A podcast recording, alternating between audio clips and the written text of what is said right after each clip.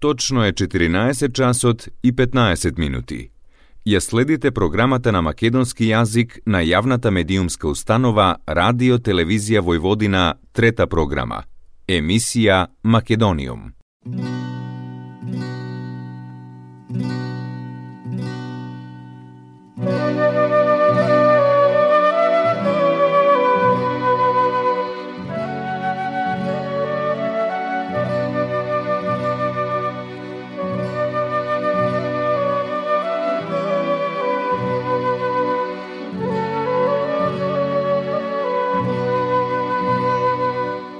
Добар ден и добре дојдовте во најновото издание на емисијата Македониум.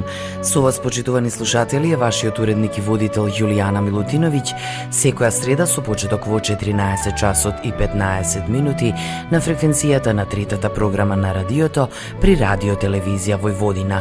Емисијата можете да ја слушате и одложено преку сајтот на Радио Телевизија Војводина или пак на подкаст сервисите на Google и Apple.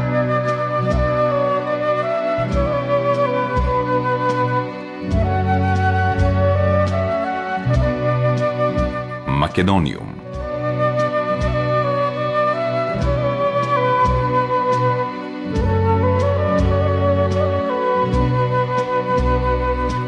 Главниот град на Република Северна Македонија пред два дена одбележи 79 години слобода, слободен раст и развој. Се сеќаваме на оние што ги положија своите животи за ние да имаме мирен, спокоен живот, без страдање и насилство, на борците што безпоштедно извојуваа победа во големата битка против окупаторот. Борбите за конечно ослободување на Скопје започнале утрото на 12 ноември 1944 година, а веќе наредниот ден во вечерните часови тоа било слободно.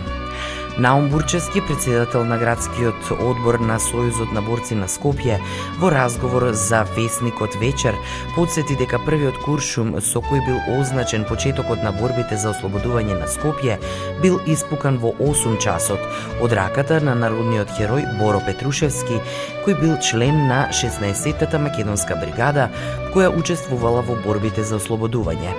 Освен 60-тата македонска бригада, во ослободувањето на Скопје учествувале и 12-тата, 3-тата и 8-та македонска бригада, додека градот го бранеле и единиците на 22-та гренадирска германска дивизија и делови од 11-тата воздухопловна десантска дивизија и други групи од разни единици.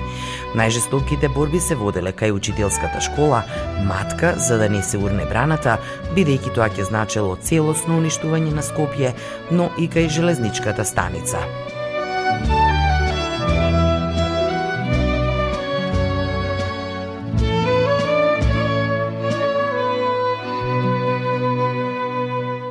Македониум.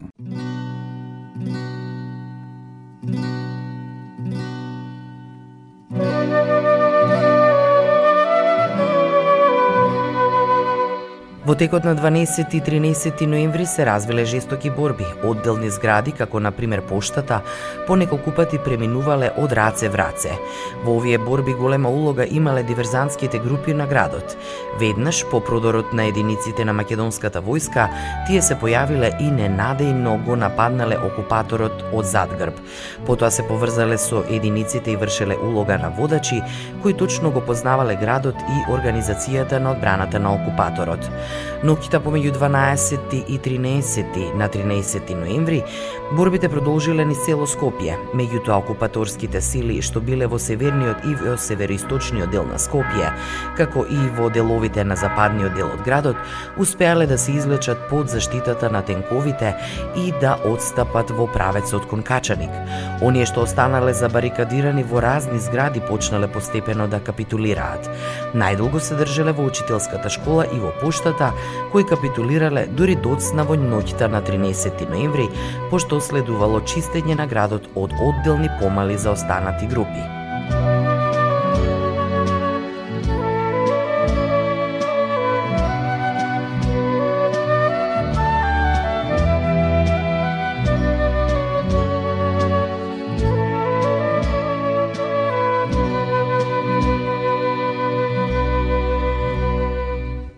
Македониум.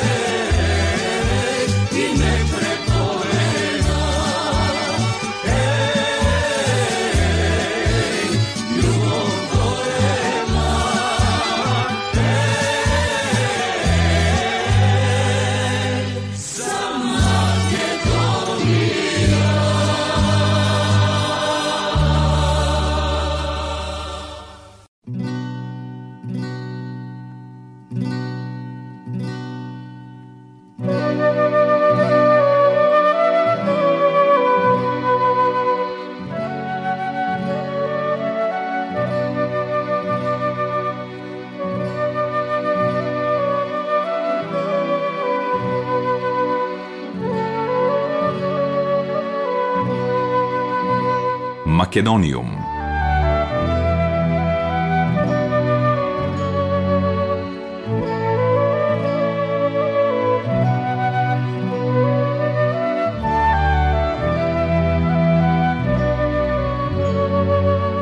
Брзите и силни напади на македонската војска како и действувањето на 20 на диверзантски групи кои ги пресекувале телефонските и телеграфските кабли, ги спречиле германците да ги разурнат минираните згради што ги бранеле, како и мостовите во Скопје. Со пресекување на каблите тие го спречиле минирањето и на камениот мост.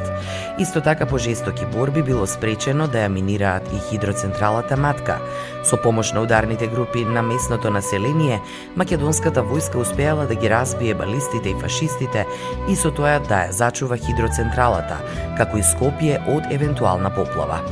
Додека единиците на македонските бригади го гонеле непријателот од Скопје, градскиот Народно-ослободителен одбор на 13 ноември 1944 година издал објава за првите мерки што ги презема народната власт во ослободено Скопје.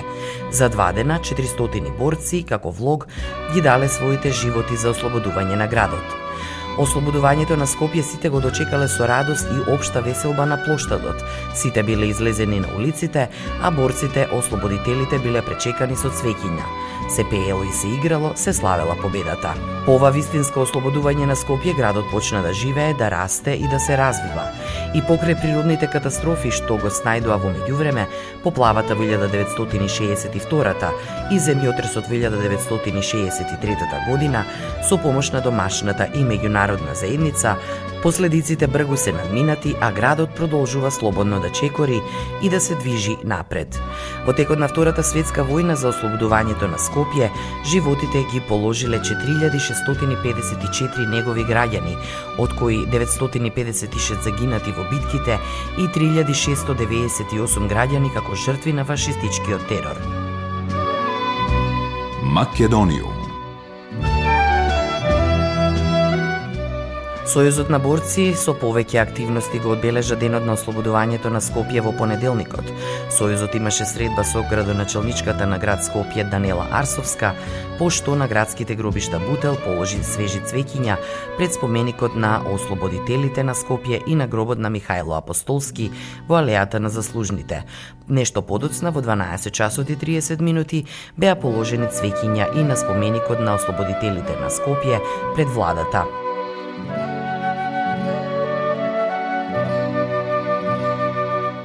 Македониум.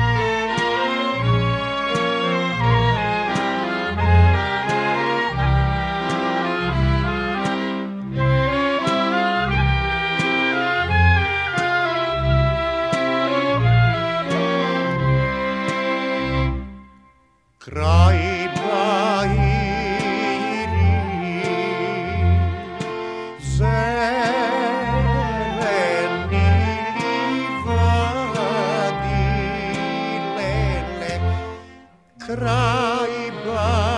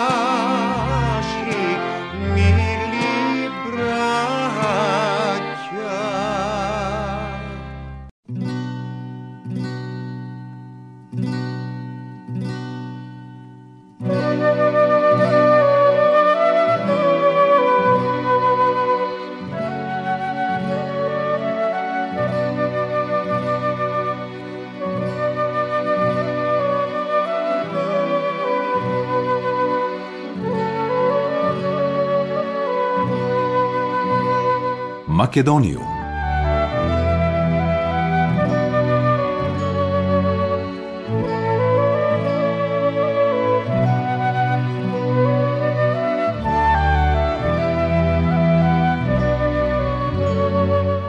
Во на окупација и полициски режим во Скопје дошло до формирање на првата илегална работилница.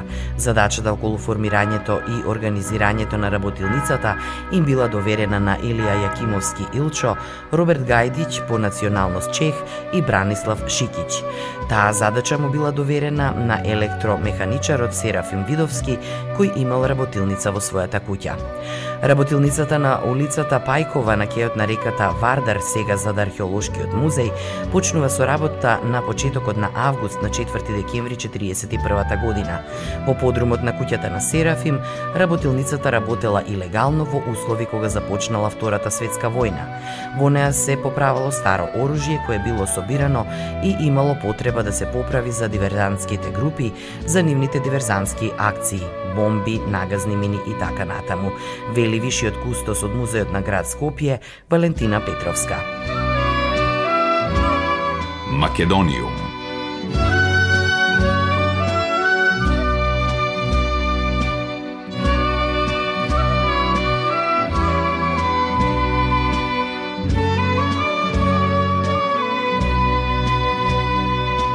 Во работилницата се работело претежно дење, а склопувањето и монтирањето се вршело ноќе. За таа цел на надворешната куќна врата било монтирано специјално звонче зумер, кое при отворањето на вратата давало сигнал. Понекогаш се работело цела ноќ до утрото.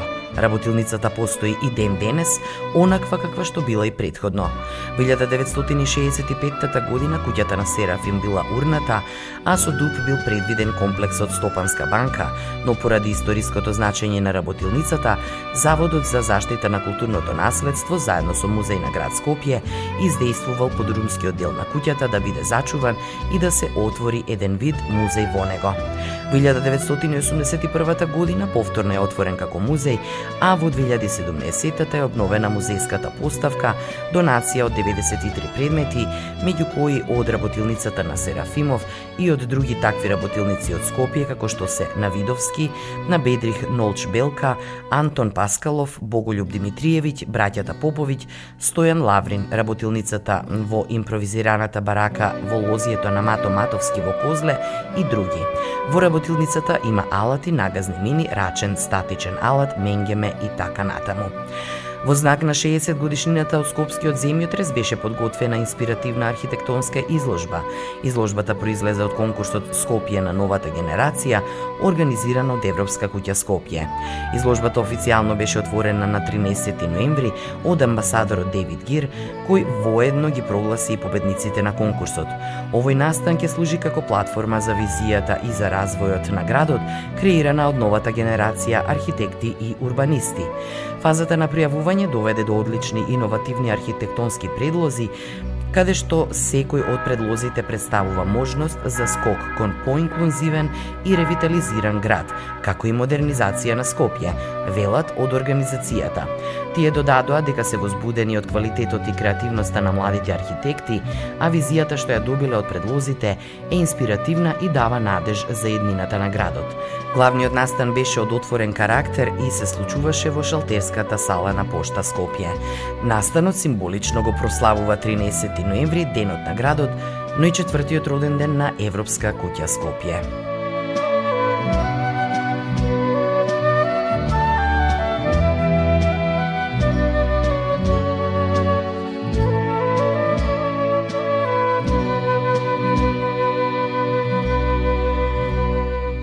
Македониум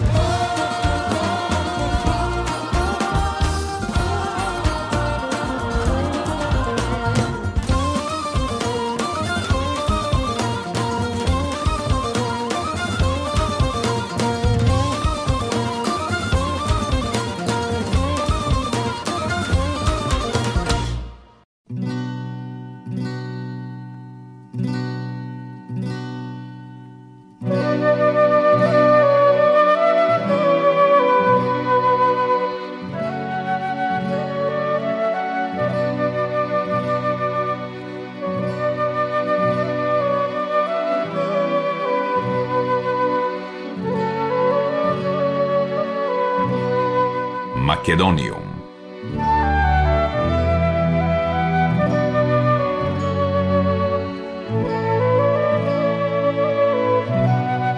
Почитувани слушатели, тоа беше се во денешното издание на емисијата Македониум. Голем поздрав од вашиот уредник и водител Јулијана Милутиновиќ до следната среда во исто време. Ја следевте програмата на македонски јазик, емисија Македониум. Главен и одговорен уредник Воин Поповиќ.